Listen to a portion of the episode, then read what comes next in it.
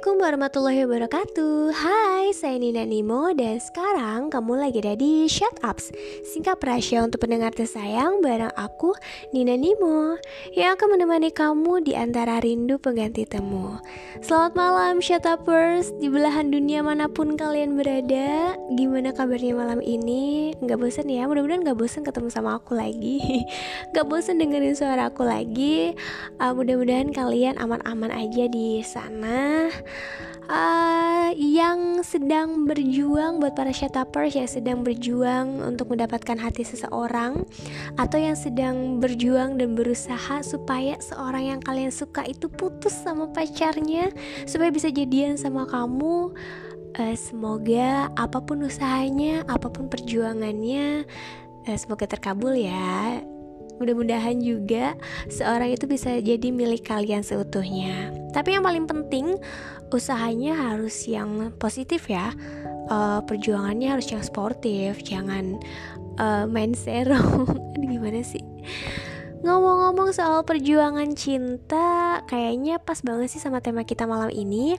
Di episode 5 uh, Shut Ups di malam ini itu tentang temanya perjuangan epik untuk si cantik. perjuangan seperti apa sih disebut epik? Kalau ngomongin masalah cantik, kayaknya bakal roman-romannya tuh bakal ngomongin masalah fisik nih. Uh, tapi mudah-mudahan obrolan kita malam ini gak mengandung unsur sara ya, gengs ya. Dan uh, by the way, malam ini tuh ada seseorang bintang tamu yang ingin banget pengen banget menceritakan tentang perjuangan cintanya atau perjuangan dia untuk mendapatkan hati sang pujaan hati dan juga restu orang tuanya. Wah, kalau dia berhubungan sama restu orang tua kayaknya cukup berat juga ya. Seberat apa sih perjuangannya untuk mendapatkan semua itu?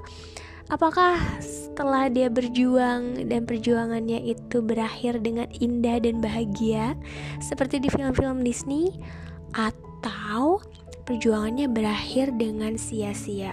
Hmm. Daripada penasaran, mending kita langsung dengerin aja ceritanya yuk. Kita sapa sama-sama.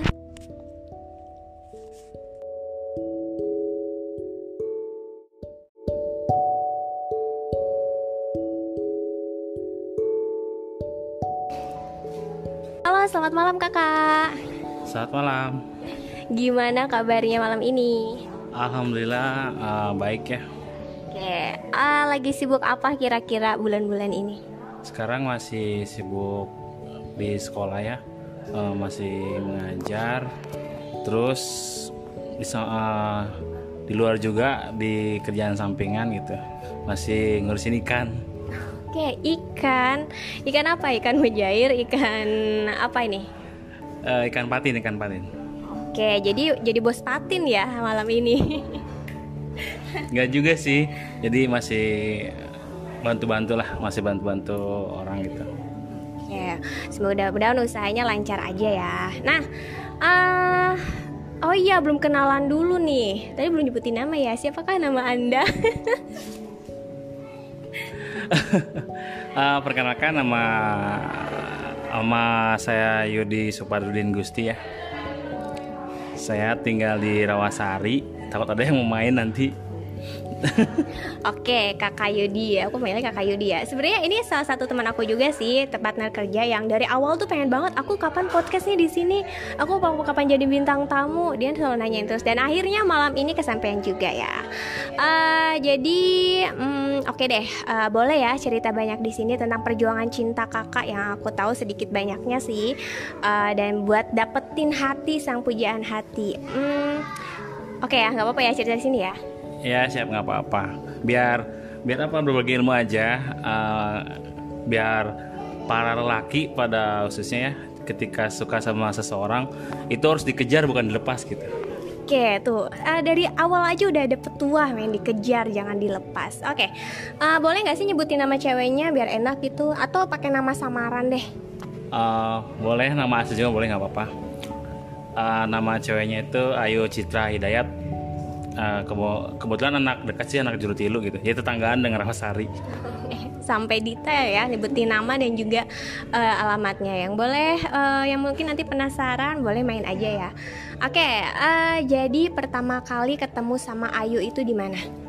Itu waktu kegiatannya kebetulan uh, waktu itu kegiatan di SMK Pertiwi yaitu pelantikan OSIS tepatnya di Duku jadi ketemunya nggak sengaja ya. Jadi ketika jadi alumni gitu main ke sana terus lihat kok ini cewek lumayan juga gitu.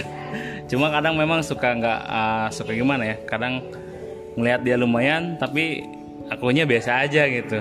Kadang nggak pede tapi alhasil ya lanjut aja lah pokoknya. Oke, jadi pertama itu ada acara ya ketemunya. Uh, boleh nggak sih kalau aku bilang kalau boleh tahu secantik apa sih Ayu versi Kak Yudi gitu? Kalau mungkin untuk cantik itu lumrah ya dalam artian ya semua orang itu terlihat cantik gitu. Ketika walaupun biasa aja ketika di dalam keluarganya pasti dibilang cantik karena perempuan. Tapi menurut saya itu Ayu itu baik ya. Ayu itu baik terus nyabar gitu terus yang yang penting sih dia mau nerima apa adanya gitu dengan meskipun ya sebenarnya kalau dibanding dengan mantan mantannya itu ya ganteng-ganteng atau cakep-cakep gitu. Kalau saya biasa aja. Tapi ya karena saya tadi bilang kalau emang suka dan sayang berjuangin gitu. Bukan ditinggal atau dilepas. Ya menurut saya gitulah cantiknya itu. Jadi karena memang baik terus apa namanya mau terima padanya Oke, jadi uh, tadi bilang dari awal tuh katanya minder ya. Uh, apakah mindernya karena dulu mantan karena ya? Apakah mindernya karena dia yang cantik dan kayak Yodi biasa aja atau misalnya mindernya karena oh mantan mantannya tuh ganteng-ganteng sedangkan aku biasa aja gitu?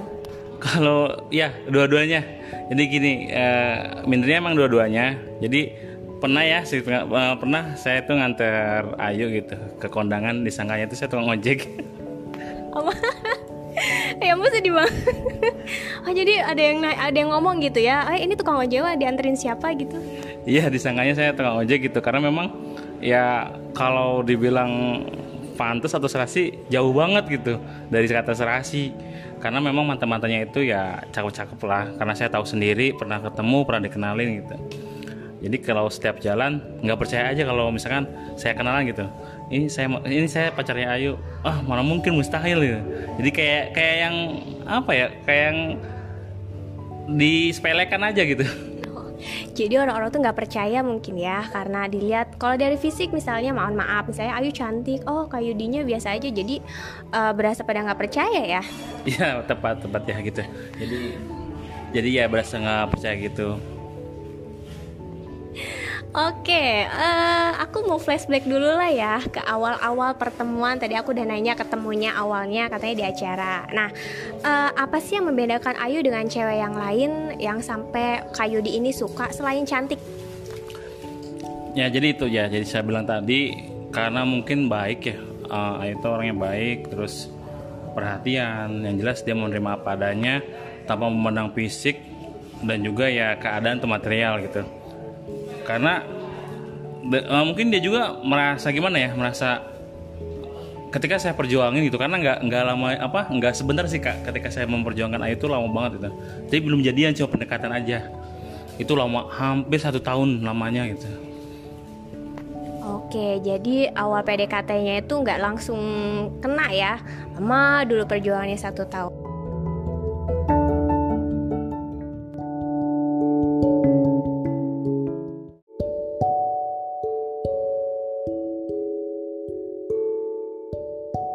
Tadi udah diceritakan secara singkat kalau semisalnya perjuangannya itu uh, untuk mendekati Ayu itu hampir satu tahun. Nah, aku mau tanya lagi nih, uh, waktu awal ketemu sama Ayu nih, apakah langsung suka? Bisa ketemu, oh langsung suka gitu, tiba-tiba deg-degan kayak kayak apa gitu? Atau misalnya ibaratnya love at first sight ya? Uh, cinta pada pandangan pertama.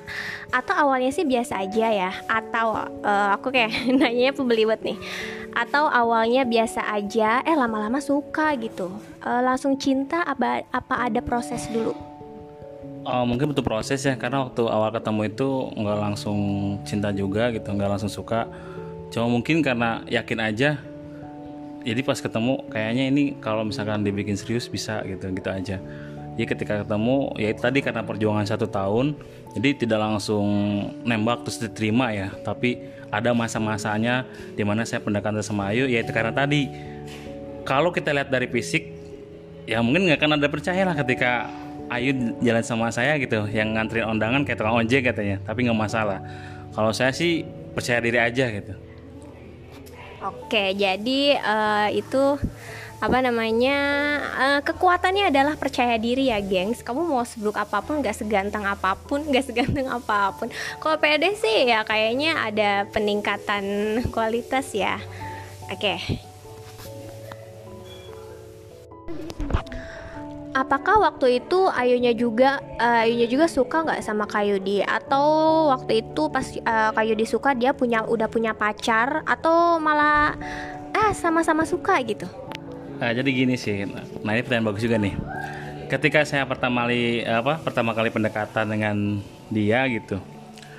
Ayu itu lagi deket dengan cowok juga. Kebetulan itu baru putus dari mantannya.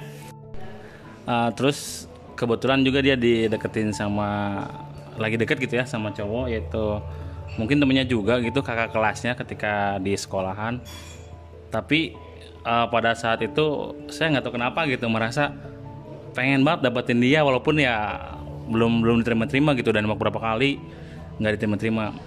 Ya kejadiannya gini kenapa Ayu bisa bisa mulai dekat sama saya atau mau mau uh, jalan beberapa waktu lama juga ya setahun? Sedikit cerita ya kak. Jadi ketika saya datang ke rumahnya uh, saya mau ngasih tahu kalau saya ada ada lab ya di radio GPFM waktu itu zamannya indie band kelas mel itu uh, lewat radio saya ngutarakan nembak lah nembak cinta ke dia tapi alhasil emang nggak terima gitu masih ditolak juga Oke, jadi pernah nembak dengan cara di radio waktu itu. Wah, luar biasa. Lanjutin, lanjutin. Ya, jadi uh, nembak Ayu di radio gitu. Karena memang waktu itu kan saya datang ke rumahnya, dia lagi sama cowok juga. Saya bilang ke dia, tolong dengerin radio ini nanti saya akan ngutarakan sesuatu gitu. Alhasil dia tahu tapi angger dia nggak nggak langsung terima gitu, masih masih nggak yakin juga atau mungkin ya melihat fisik, wah ini mah nggak secakep yang deket sama saya gitu. Tapi saya nggak nggak nggak mundur gitu aja. Pantang mundur saya maju terus gitu. Oke, jadi waktu itu uh, Ayu disuruh sama Kak, Kak Yudi buat dengerin radio. Karena di situ ada utaraan cinta saya di situ ya. Terus waktu itu ngedengerin, tapi uh, pas uh, Ayu ngedengerin dia komen apa sih waktu itu kalau pas ketemu sama Kak Yudi? Biasa aja. Pokoknya dia biasa aja gitu seolah-olah nggak nggak tahu apa-apa atau nggak ada apa-apa gitu. Ya kalau dibilang sakit sakit ya karena emang nggak dianggap.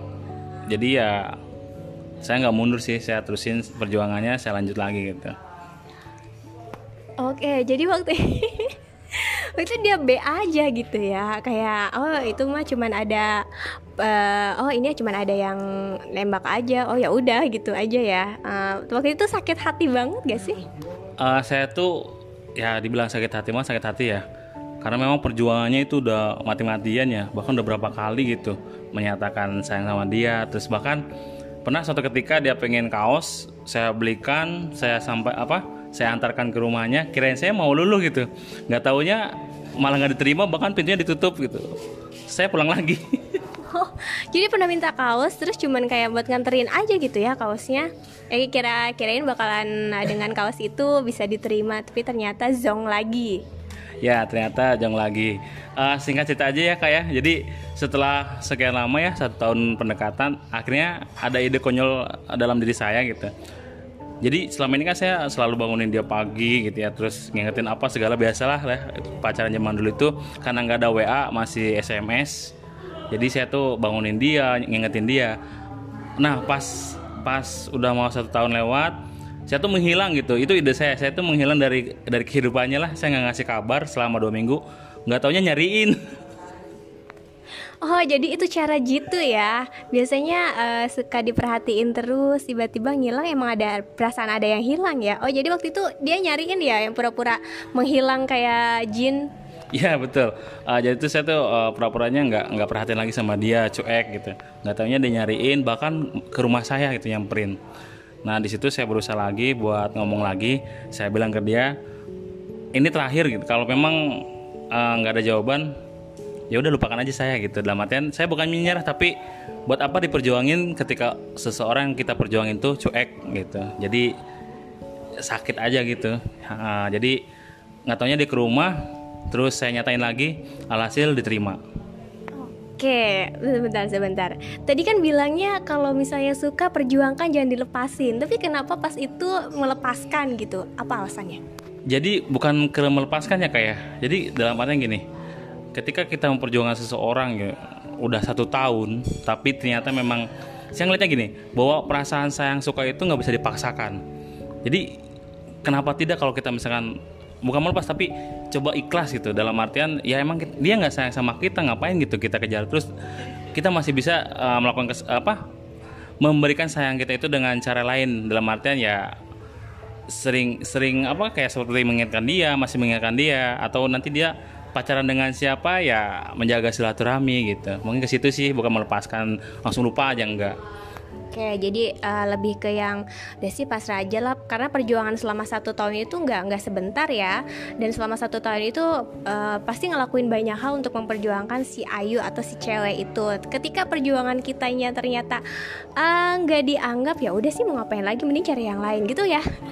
Kalau cari lain enggak sih, saya hanya mencoba untuk kayak introspeksi diri kenapa kok nggak bisa suka gitu atau gimana? Tadinya gitu kalau untuk cewek lain ya mungkin nggak juga gitu. Karena memang kalau untuk sayang sayang banget gitu. Cuma ya itu tadi ternyata ketika saya mengeluarkan ide yang mungkin konyol ya sebenarnya dua kali sih saya mengeluarkan ide konyol ini. Ketika mau nembak eh ketika nembak dan diterima ketika saya juga melamar mau nikah gitu ide konyolnya Oke, jadi uh, belum ada niatan buat cari yang lain ya. Waktu itu cuman hanya mundur alon-alon aja berarti ya. Oke, uh, itu idenya bisa kalian tiru juga ya. Pura-pura menghilang aja udah. Padahal mah ayah di kolong kasur. Oke, waktu itu Ayu uh, nerima Kayudi ya. Apakah uh, ketika terakhir kali menyatakan cinta dan diterima sama Ayu, apakah waktu itu Ayu menerimanya karena memang dia juga sayang, ngerasa kehilangan atau hanya kasihan aja ya udahlah terima aja gitu? Uh, mungkin kayaknya ya, mungkin kayaknya ya kalau untuk saya mungkin sedikit ya karena memang belum belum yakin sayang sama sayanya karena emang tadinya nggak nggak sayang gitu nggak suka gitu sama saya karena emang dia lagi deket sama seseorang gitu yang keduanya mungkin karena merasa kehilangan aja sama seseorang yang buat dia uh, buat dia kayak diperhatiin ataupun kayak dia selalu diingetin gitu. Yang jelas gini, saya itu bagaimana caranya gitu Ayu itu nyaman dengan saya saya lakuin. Dan alhasil ya itu tadi orang itu ketika kita membuat seseorang itu nyaman itu dia tuh akan merasa kehilangan gitu. Bahkan ya yang tanya cuek akan jadi peduli karena saya saya yakin dan sampai saat ini saya yakin bahwa kenyamanan itu segalanya kalau dalam hubungan percintaan. Oke, okay, the point is nyaman. Usahakan kamu harus buat cewek yang kamu suka itu nyaman sama kamu. Seburuk apa pun kamu ya, karena nyaman biasanya mengalahkan segalanya. Gan percuma ganteng kalau nggak bikin nyaman. Bener nggak kak? Betul betul. Ya betul betul. Percuma ganteng kalau nggak bikin nyaman itu. Betul sekali percuma ganteng kalau nyakitin terus buat apa wajahnya ganteng ya oke okay. uh, eh, waktu itu Ayu bilang nggak ke Kayudi hmm, misalnya atau misalnya Kayudi nanya ke Ayu apa sih yang kamu suka dari aku sampai mau nerima gitu? Apakah uh, karena perasaan nyaman itu sendiri apakah Ayu bilang sejujurnya nggak sama Kay Kayudi gitu? Uh, waktu itu ya itu tadi karena dia merasa kehilangan itu ya kayak jadi dia itu kehilangan sosok orang yang suka merhatiin dia gitu. Yang keduanya ya karena memang dia merasa nggak nggak langsung dia sayang sih sebenarnya. Dia ingin mencoba dulu coba dulu katanya. Kita coba dulu untuk jalanin kalau misalnya nggak ada nggak ada komitmen atau nggak nggak ada perasaan apa apa ya mungkin kita nggak lanjut. Tapi ya alhasil alhamdulillah gitu ternyata dia nyaman dengan saya ya kita jalanin sampai lima tahun kalau nggak salah. Oke jadi waktu itu ada perkataan oke okay, kita jalanin dulu aja ya. Masa percobaan waktu itu berarti. Berarti bukan atas dasar memang dianya sayang juga ya. Berarti emang ya udah deh daripada uh, aku udah dapetin cowok yang udah bikin aku nyaman tapi perasaan aku masih belum 100% akhirnya dia memilih untuk oke okay deh jalanin aja. Daripada dilepasin takutnya nggak bisa dapetin yang baik lagi jadi biasanya cewek mikir gitu sih. Kalau udah ada yang baik di depan mata ngapain harus uh, berharap sama sesuatu yang belum tentu baik juga ya? Hmm oke. Okay. Nah pas jadian itu pernah nggak sih sempat putus nyambung gitu? Bayang ya lima tahun tuh lama. Pernah ya pernah putus nyambung gitu gitu. Kayak karena uh, saya pribadi juga gitu merasa ketika sudah jadian dan jalanin gitu kayak yang kayak yang gimana ya? Kalau kasarnya kayak yang di ke saya ya ini mah pemikiran saya. Kayak saya tuh cuma kayak yang dimanfaatin gitulah. Dan artinya gini ketika dia mau ke mana-mana uh, saya anterin gitu. Nggak taunya nanti pulangnya sama siapa saya nggak tahu. Bahkan itu beberapa bulan ya kayak gitu. Terus akhirnya saya kayak jenuh. Ah, kenapa? Mungkin nggak nggak ada kecocokan atau gimana ya? Break dulu sih. Break. Lumayan lama sih break juga sampai kurang lebih satu bulan lah Oke, jadi waktu itu selama jadian uh, kayak Yudi merasa bahwa kayaknya sih bukan karena cinta-cinta banget, cuma kayak dibutuhin aja gitu ya buat antar jemput, buat ngelakuin ini, buat ngelakuin itu. Sebenarnya kayak ya normal-normal aja sih, cuman mungkin uh, perlakuannya lebih ke apa ya, cuman membutuhkan fisiknya aja gitu, hatinya mungkin enggak ya. Atau waktu itu pernah nggak sih uh, Ayu selingkuh dari Kayudi atau misalnya Kayudinya yang selingkuh malah? Nih jawab jujur apa enggak nih? Iya jujur aja nggak apa-apa sih. Duh, maafin aku ya bun. Jadi gini, eh, saya masih ingat ya ketika pacaran baru beberapa bulan kalau nggak nggak dari adik saya yang bilang saya nggak akan tahu. Jadi ternyata ketika saya diterima, ya itu tadi saya bilang saya kayak seperti tukang ojek. Ternyata dia tuh sempat jadian juga sama orang suka suka mandi. Oke, jadi uh, pernah juga ya dia juga jadian dan jalan juga sama orang lain gitu tanpa sepengetahuan. Eh namanya selingkuh yang nggak ditahuin lah. Terus waktu itu sikap dari Kayudi sendiri gimana? Karena saya sayang jadi ya saya berusaha sabar tapi nggak ikhlas tapi sabar. Ya saya berusaha untuk ngobrol sama dia terus suruh milih mau lanjut sama saya atau dengan orang itu ya hasil ternyata dia nyaman dengan saya jalan lagi sama saya gitu.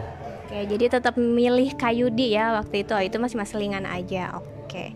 Uh, waktu itu diterima lagi uh, pas uh, Ayu bilang mau sama Kayudi lagi gitu.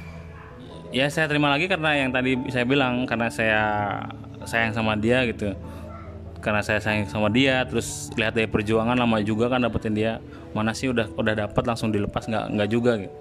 Jadi saya pertahankan. Karena perjuangannya terlampau berat ya. Jadi kalau mau dilepasin sayang banget gitu.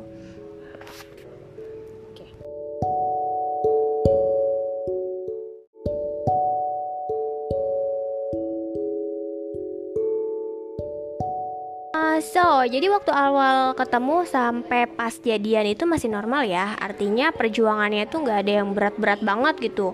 Gak harus mendaki gunung lewati lembah Atau harus beliin iPhone 11 Pro dulu gitu Baru uh, mau jadian sama aku misalnya. Uh, Artinya perjuangannya masih uh, masih kayak sama kayak orang-orang kebanyakan ya. Nah pertanyaannya adalah Terus awal mula perjuangan berat yang selalu dibilang epic itu dimulai dari mana? Silakan diceritakan mas-mas. Iya, kenapa dibilang epic ya? Nah, mungkin ini perjuangan yang menurut saya konyol juga gitu. Jadi uh, saya tuh sudah sudah apa namanya? Udah menja eh, menjalani lah hubungan sama Ayu itu sudah hampir lima tahun. Terus saya kepikiran kenapa nggak dibuat serius gitu atau berkomitmen buat nikah. Saya akhirnya ngelamar. Pertama ngelamar itu saya ditolak sama orang tuanya. Katanya ya belum belum ada buat bekal lah atau apa. Keduanya saya ngelamar lagi disuruh disuruh bawa sama orang tua. Saya bawa orang tua masih ditolak juga. Uh, tepatnya pada bulan Mei kalau nggak salah. Bulan Mei itu saya ada ide konyol gitu. Kenapa nggak saya kasusin aja gitu? Dalam arti kasusin gini. Uh, saya jemput Ayu waktu itu pada malam minggu ya. Uh, saya jemput Ayu malam minggu. Ayu itu saya ajak main. Nah, di sini yang menurut saya epicnya. Ayu saya ajak main keluar, tapi kita pulang hari Senin. Kita pulang hari Seninnya gitu. Oke, jadi waktu itu dibawa, uh, waktu itu ngelamar uh, di artinya secara halus ya, belum siap, belum siap, artinya ya. Oke, mungkin ngelihat uh, punya pikiran dari Kak Yudi waktu itu. Ini nolaknya karena gue jelek apa gimana gitu? Ya mungkin bisa jadi gitu ya. Mungkin bisa jadi gitu karena mungkin uh, kurang pantas atau kurang ser gitu. Karena sih uh, menurut dari keluarganya itu keluarga besar. Jadi mungkin pilih-pilih juga kalau untuk jadi suami. Apalagi Ayu anak-anak satu-satunya. Ya jadi nggak mau istilahnya anaknya sengsara atau gimana gitu. Mungkin gitu juga Oke, jadi oke ya. Uh, maksudnya orang tua itu pasti selalu menginginkan yang terbaik. Terus pas ngeliat, aduh nanti dulu deh, nanti dulu. Ada harus ditahan-tahan dulu. Oke, tadi katanya dikasusin. Waktu itu ngajak main malam minggu pulangnya. Ya waktu itu jadi punya ide konyol gitu. Ya nggak tahu kepikiran aja kenapa nggak dikasusin dalam arti kasus ini tapi positif ya nggak sampai ayu gimana gitu jadi saya ajak main ayu itu malam minggu pulangnya itu senin pagi ya dengan dengan pakaian yang mungkin sudah ganti gitu. Jadi ketika main uh, Senin pagi saya antarkan pulang. Terus malam malam Selasanya saya panggil diundang sama orang tuanya. Di sidang. Di sidang waktu itu sama orang tuanya sama keluarganya. Terus saya ditanya lah pokoknya ditanya tanya gini tuh dari mana aja? Terus ke mana aja baru pulang? Kenapa ganti pakaian atau apa? Gitu. Ya intinya saya minta lagi satu kali lagi Pak atau ke saudaranya gitu saya pengen serius sama Ayu boleh nggak saya nikah Ayu di situ masih masih kayak perdebatan terima atau enggak terus uh, lanjut apa enggak gitu karena masih tidak ada jawaban ya akhirnya saya bilang gini oke okay, kalau misalkan saya nggak terima saya nggak tanggung jawab nanti kalau misalkan seminggu dua minggu atau tiga minggu uh, anak bapak sampai hamil. Padahal, padahal nggak saya apa-apain gitu. Padahal waktu itu kita tidur di rumah masing-masing Ayu juga tidur di rumah temennya. Cuma memang udah sepakat sama Ayu gimana kalau kita pura-pura kita jalan ke mana gitu. Kita jalan ke mana terus kita pulang biar di sidang. Oh bentar bentar. Kok parah sih? Ini epic banget sih sebenarnya. Bentar. Waktu itu jadi kalian berdua itu memikirkan hal itu jadi kolaborasi bekerja sama buat bikin kasus supaya kalian bisa dinikahin gitu Iya, jadi saya tuh ngomong ke Ayu awal mulai saya nolak ya katanya, gimana kalau misalnya kita hamil beneran? Kata saya, ya nanti kita ceritakan. Alhasil Ayu mau kita kalau apa namanya kita kerjasama gitu. Ya sedikit mungkin kalau dibilang menipu orang tuanya atau keluarganya ya bisa jadi sih. Uh, jadi kita pura-puranya kita habis dari mana terus di sidang ya itu tadi biar bisa dinikahin kan. Alhasil ya kita dinikahin jadi dinikahinnya karena takut mungkin anaknya aduh aduh aduh aduh takut ini orang. Jadi takutnya kalau kata dia bilang nggak akan tanggung jawab kalau terjadi apa-apa. Jadi mungkin orang tuanya takut ya. Kalau misalnya iya terjadi hal yang iya iya terus gak ada orang yang bertanggung jawab kamunya lepas tangan jadi mungkin takut juga. Artinya iya dinikahkan waktu itu. Ya jadi aku tuh inget ya inget ketika omongan dari mungkin pamannya ya bilangnya ini keluarga besar loh kamu jangan main-main sama ponakan saya. Nah dari kata-kata keluarga besar jika kalau dari keluarganya ada yang cacat dalam artian Ahmed duluan nikah pasti kan otomatis jadi apa ya, jadi aib ya. Makanya aku berani aja gitu buat bikin gimana kalau kita kasusin aja sekalian? Akhirnya ya disidang terus kasus lah udah masuk kasus gitu. Udah disidang saya bilang gitu kalau misalkan kita nggak nikahin ya saya nggak tanggung jawab nih kalau Ayu misalkan sampai hamil atau apa. Nah alhasil bulan September ya alhamdulillah. Bulan September alhamdulillah kita dinikahin gitu.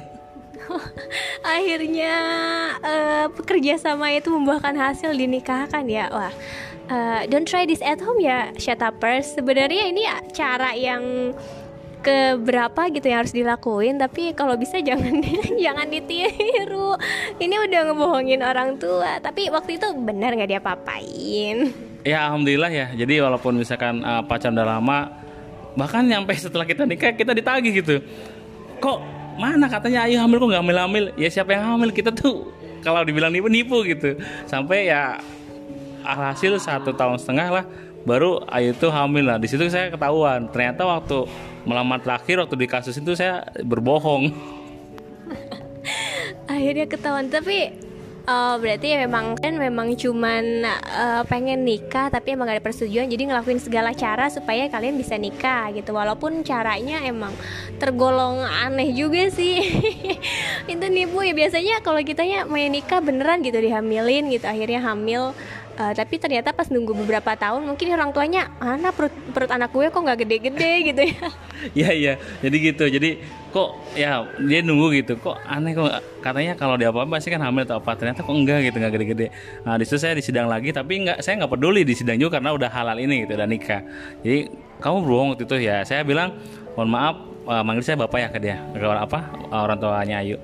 Mohon maaf pak saya emang berbohong ke keluarga bapak karena memang saya itu benar-benar pengen serius sama Ayu kenapa nggak diizinin dari dulu ya bermacam alasan lah dilontarkan ke saya tapi saya akan terus perjuangkan kalau memang istilahnya Ayu yang mau kenapa enggak gitu Nah waktu itu pas waktu dinikahin waktu itu kan artinya menikahkannya dengan dada kutip terpaksa ya orang tuanya. Nah setelah menikah itu sikap orang tuanya ke Kayudi itu gimana? Uh, hampir kurang beberapa bulan lah kurang lebih 8 bulan ya agak ketus ya dingin dalam artian ya memang karena tadi yang nggak setuju tapi bukan nggak setuju semua sih sebenarnya mah jadi dari saudaranya dari pamannya nggak setuju ke saya karena mungkin yang pertama dari yang lihat fisik saya keduanya mungkin karena bukan dari kalangan yang bermaterial gitu. Jadinya sayang banget itu. Uh, dengan fisik Ayu yang lumayan bagus dengan namanya juga ya Ayu gitu tapi mendapatkan suaminya yang kayaknya biasa aja gitu jadi ya uh, apa ya kalau biasa aja nggak sih tapi agak ketus jadi uh, sebagian besar keluarga besarnya Ayu itu lebih banyak mendukung uh, Kayu Kayudi sebelum ada kasus mungkin ya. Sebelum ada kasus itu awal-awalnya pas ngelamar itu emang banyak yang mendukung atau malah memang banyak yang oh no deh jangan jangan sama Yudi gitu. Eh, nggak uh, ada yang dukung kecuali cuma memang bapaknya ya. Kalau bapaknya itu karena mungkin lihat saya yakinnya apa sungguh-sungguh kalau untuk orang tuanya untuk khusus bapaknya itu ngedukung tapi untuk saudaranya atau keluarga besarnya tidak mendukung. Ya intinya tidak mendukung. Bahkan almarhum mamangnya itu pernah menyuruh saya udahan dan gak usah main lagi. Bahkan saya nyampe nyampe diancam atau apa tapi ya saya nggak takut lah. Karena saya akan perjuangkan Ayu sampai kapan pun karena saya sayang dan suka gitu Oh justru dari uh, bapaknya itu mas setuju ya Sedangkan dari keluarganya itu ada sampai ngancem juga waktu itu Terus pas ada yang ngancem kayak gitu uh, Ada laporan nggak ke keluarganya Ayu gitu? Saya nggak saya nggak pernah lapor sih ya, yang saya terima dari keluarga Ayu ya biar saya yang tahu biar Ayu nggak kepikiran gitu. Tapi ya ya itu tadi kak jadi kalau memang kita sayang kenapa nggak diperjuangin dan bisa diri aja lah gimana nanti bukan nanti gimana tapi saya pikir gimana nanti aja lah yang penting dijalani gitu. Tapi alhamdulillah sih setelah uh, setelah Ayu hamil ya terus kita punya anak itu uh, namanya sifat-sifat dari keluarga itu berubah total. Bahkan yang tadinya benci sama saya jadi enggak sekarang gitu. Jadi malah ya welcome semua alhamdulillah uh, setelah kasus itu artinya setelah menikah itu harusnya kalau misalnya emang ada kasus ya artinya uh, hamil gitu. Nah uh, dari pas pertama nikah sampai ke hamil itu ada jangka waktu berapa tahun? Apakah emang sengaja menunda atau gimana? Uh, saya itu dari dari pertama nikah ya berarti ya. Nikah kamu tuh kos lama juga hampir satu tahun tujuh bulan. Jadi memang kalau dari Ayunya sengaja nunda gitu dalam artian belum siap jadi seorang ibu kalau saya mah udah udah ready ready aja Oke, jadi uh, emang dari awalnya kalian menunda gitu ya. Kirain mau langsung biar beneran gitu kasusnya terpecahkan. Oh, bener tuh bener. Kalau misalkan langsung nikah terus langsung hamil ya berarti sangkanya terus ngedepein. oh iya. Padahal tapi kan emang waktu itu katanya bilangnya iya ada kasus. Ya berarti iya aja gitu biar benar. Ya biar ini aja gitu biar biar dinikahin aja. Jadi gimana caranya lah yang penting saya dinikahin sama Ayu gitu aja. Jujur ya kalau Ayu mungkin kehilangan saya nggak takut tapi kayak kehilangan Ayu takut gitu. Sama takutnya takut nggak ada yang suka lagi sama saya selain Ayu jadi takut kehilangan Carlo misalnya nggak ada yang suka lagi selain rasa sukanya dari Ayu. Oke ya ya mudah-mudahan Ayu untuk satu dan selamanya ya. Uh, waktu itu pas kasus itu terjadi sebenarnya yang tahu yang tahu tuh siapa aja selain Kayudi sama Ayu?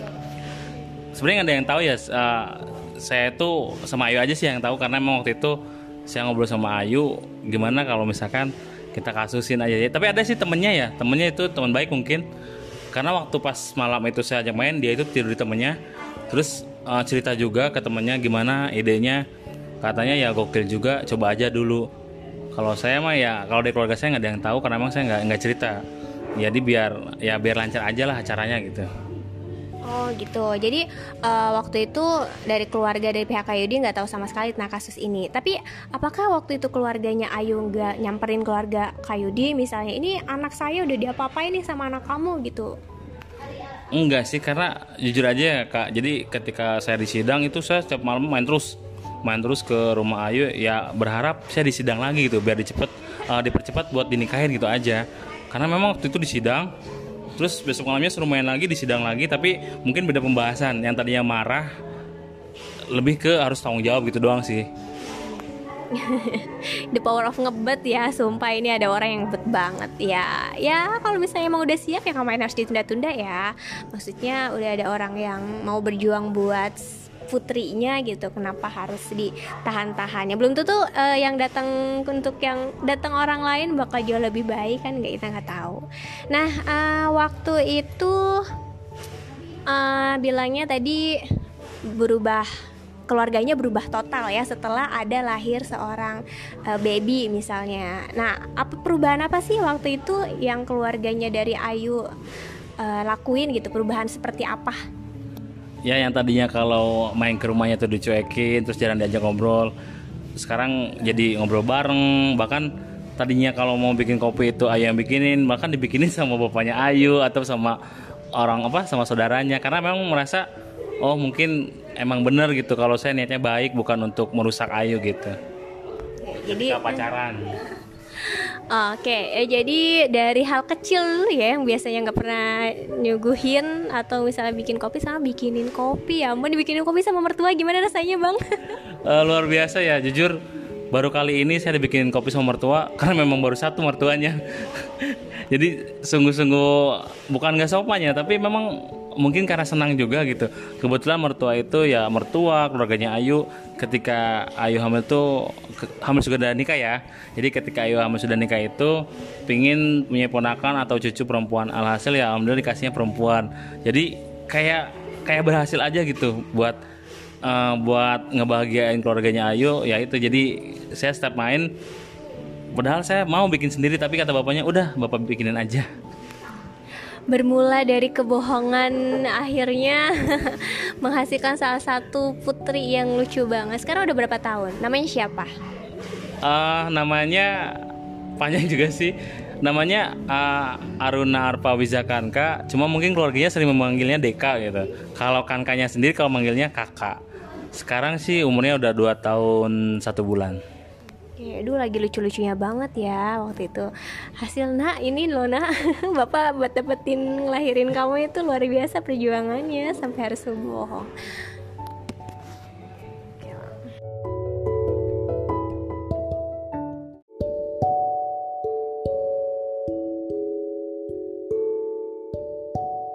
Akhirnya setelah perjuangan berkasus-kasus ya sudah terlampaui uh, gimana perasaannya sekarang? Uh, perasaannya senang banget gitu ya. Uh, senang banget lah dapat istri yang mungkin jadi idaman orang-orang dulunya waktu masih ABG gitu.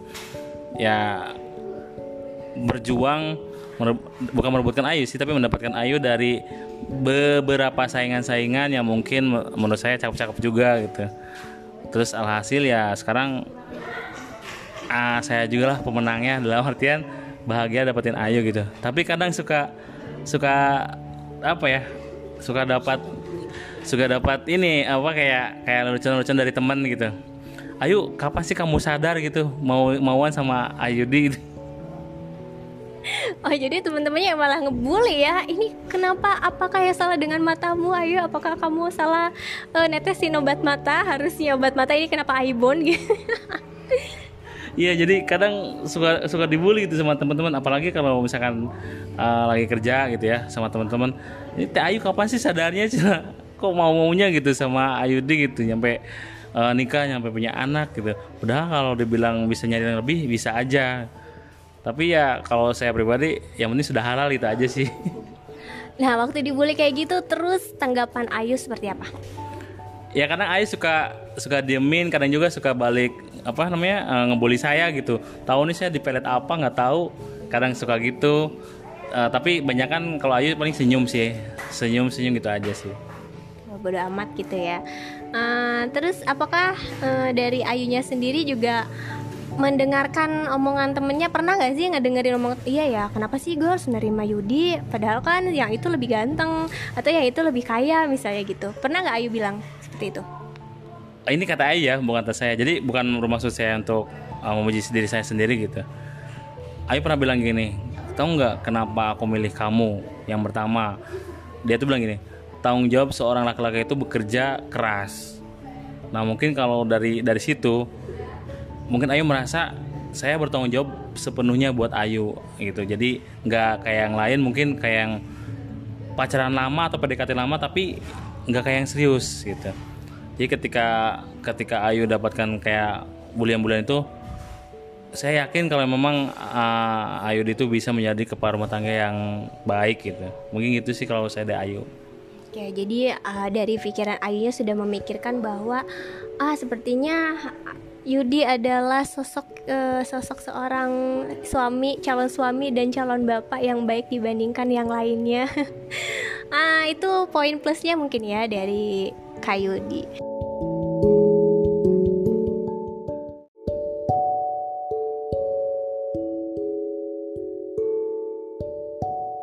Aduh, luar biasa banget nih ceritanya.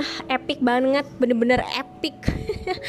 uh, apakah kalian juga pernah melakukan hal yang aneh untuk mendapatkan seseorang atau untuk mendapatkan seseorang tuanya? Boleh nanti kita cerita bareng-bareng lagi ya. Uh, Oke okay deh terakhir nih Kak Yudi, mohon kasih pesan dan kesan untuk seseorang yang mungkin sama sama Kak Yudi yang masih kurang pede dengan fisik, masih kurang pede dengan materi, tapi ingin mendekati atau sayang banget sama seorang yang entah itu ganteng atau itu uh, lebih cantik dari dia dan saingannya banyak. Silahkan. Uh, kalau pesan atau saran saya ya bukan maksudnya mengajarkan atau menggurui, tapi karena saya pernah melakukan. Ketika kita sayang sama seseorang, terus kita merasa minder karena fisik kita gitu ya. Dalam artian gini misalkan ceweknya putih katanya hitam atau ceweknya cantik katanya biasa aja itu jangan pernah merasa berkecil hati. Saran saya yang satu mungkin satu untuk selamanya gimana caranya buat dia itu bisa bisa menjadi milik kita ya itu satu tadi. Tolong kasih kenyamanan senyaman nyamannya buat uh, pasangan kamu atau pasangan uh, si atau si ceweknya dikasih kenyamanan. Karena saya yakin kalau untuk nyaman itu mengalahkan segalanya. Percuma banyak duit percuma mau istri cantik suami yang cakep. Kalau nggak nyaman ya banyak yang udahan itu banyak yang dalam artian pernikahan kalau misalkan nggak dikasih kenyamanan ya mungkin cerai juga. Jadi itu aja sih saran saya tetap yakin dan percaya diri aja gitu. Oke jadi poin ada poinnya. Jadi pesannya itu intinya adalah kasih kenyamanan untuk seorang yang kita cintai. Karena nyaman mengalahkan segalanya. Betul kan? Ya betul Oke, pesannya itu pokoknya kalian harus uh, membuat nyaman seseorang yang kalian suka.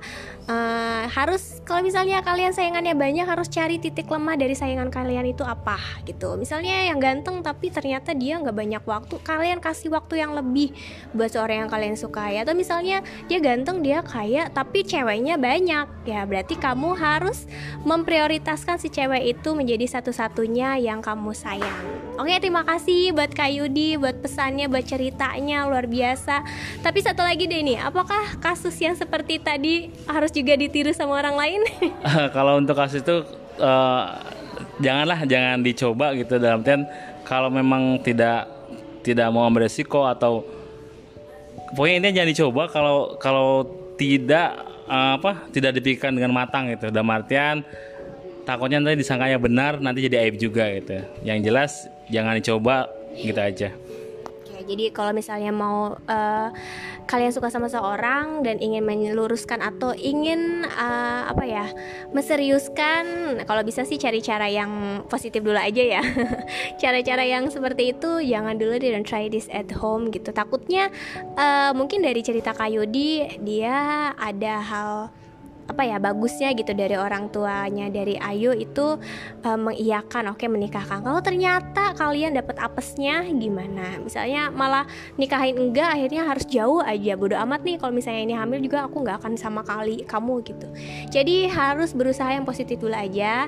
Uh, dari podcast malam ini tolong ambil yang baik-baiknya aja ya guys yang buruk-buruknya jangan diambil deh. Uh, kalian tahu mana yang baik mana yang buruknya Oke, terima kasih buat para pendengar, buat para shutupers yang udah dengerin aku dari awal sampai akhir. Terima kasih juga buat Kak Yudi yang udah menceritakan kisah epiknya dalam uh, perjuangan mendapatkan uh, Ayu, si Ayu ini. Yang alhamdulillah sekarang sudah menikah, sudah memiliki putri yang cantik dan lucu banget. Uh, mudah-mudahan kalian yang sedang berjuang juga bisa mendapatkan apa yang kalian, uh, seseorang yang kalian mau. Terima kasih uh, perjuangan epik untuk si cantik episode 5 selesai. Uh, sampai ketemu di shut up berikutnya. Assalamualaikum warahmatullahi wabarakatuh. Bye.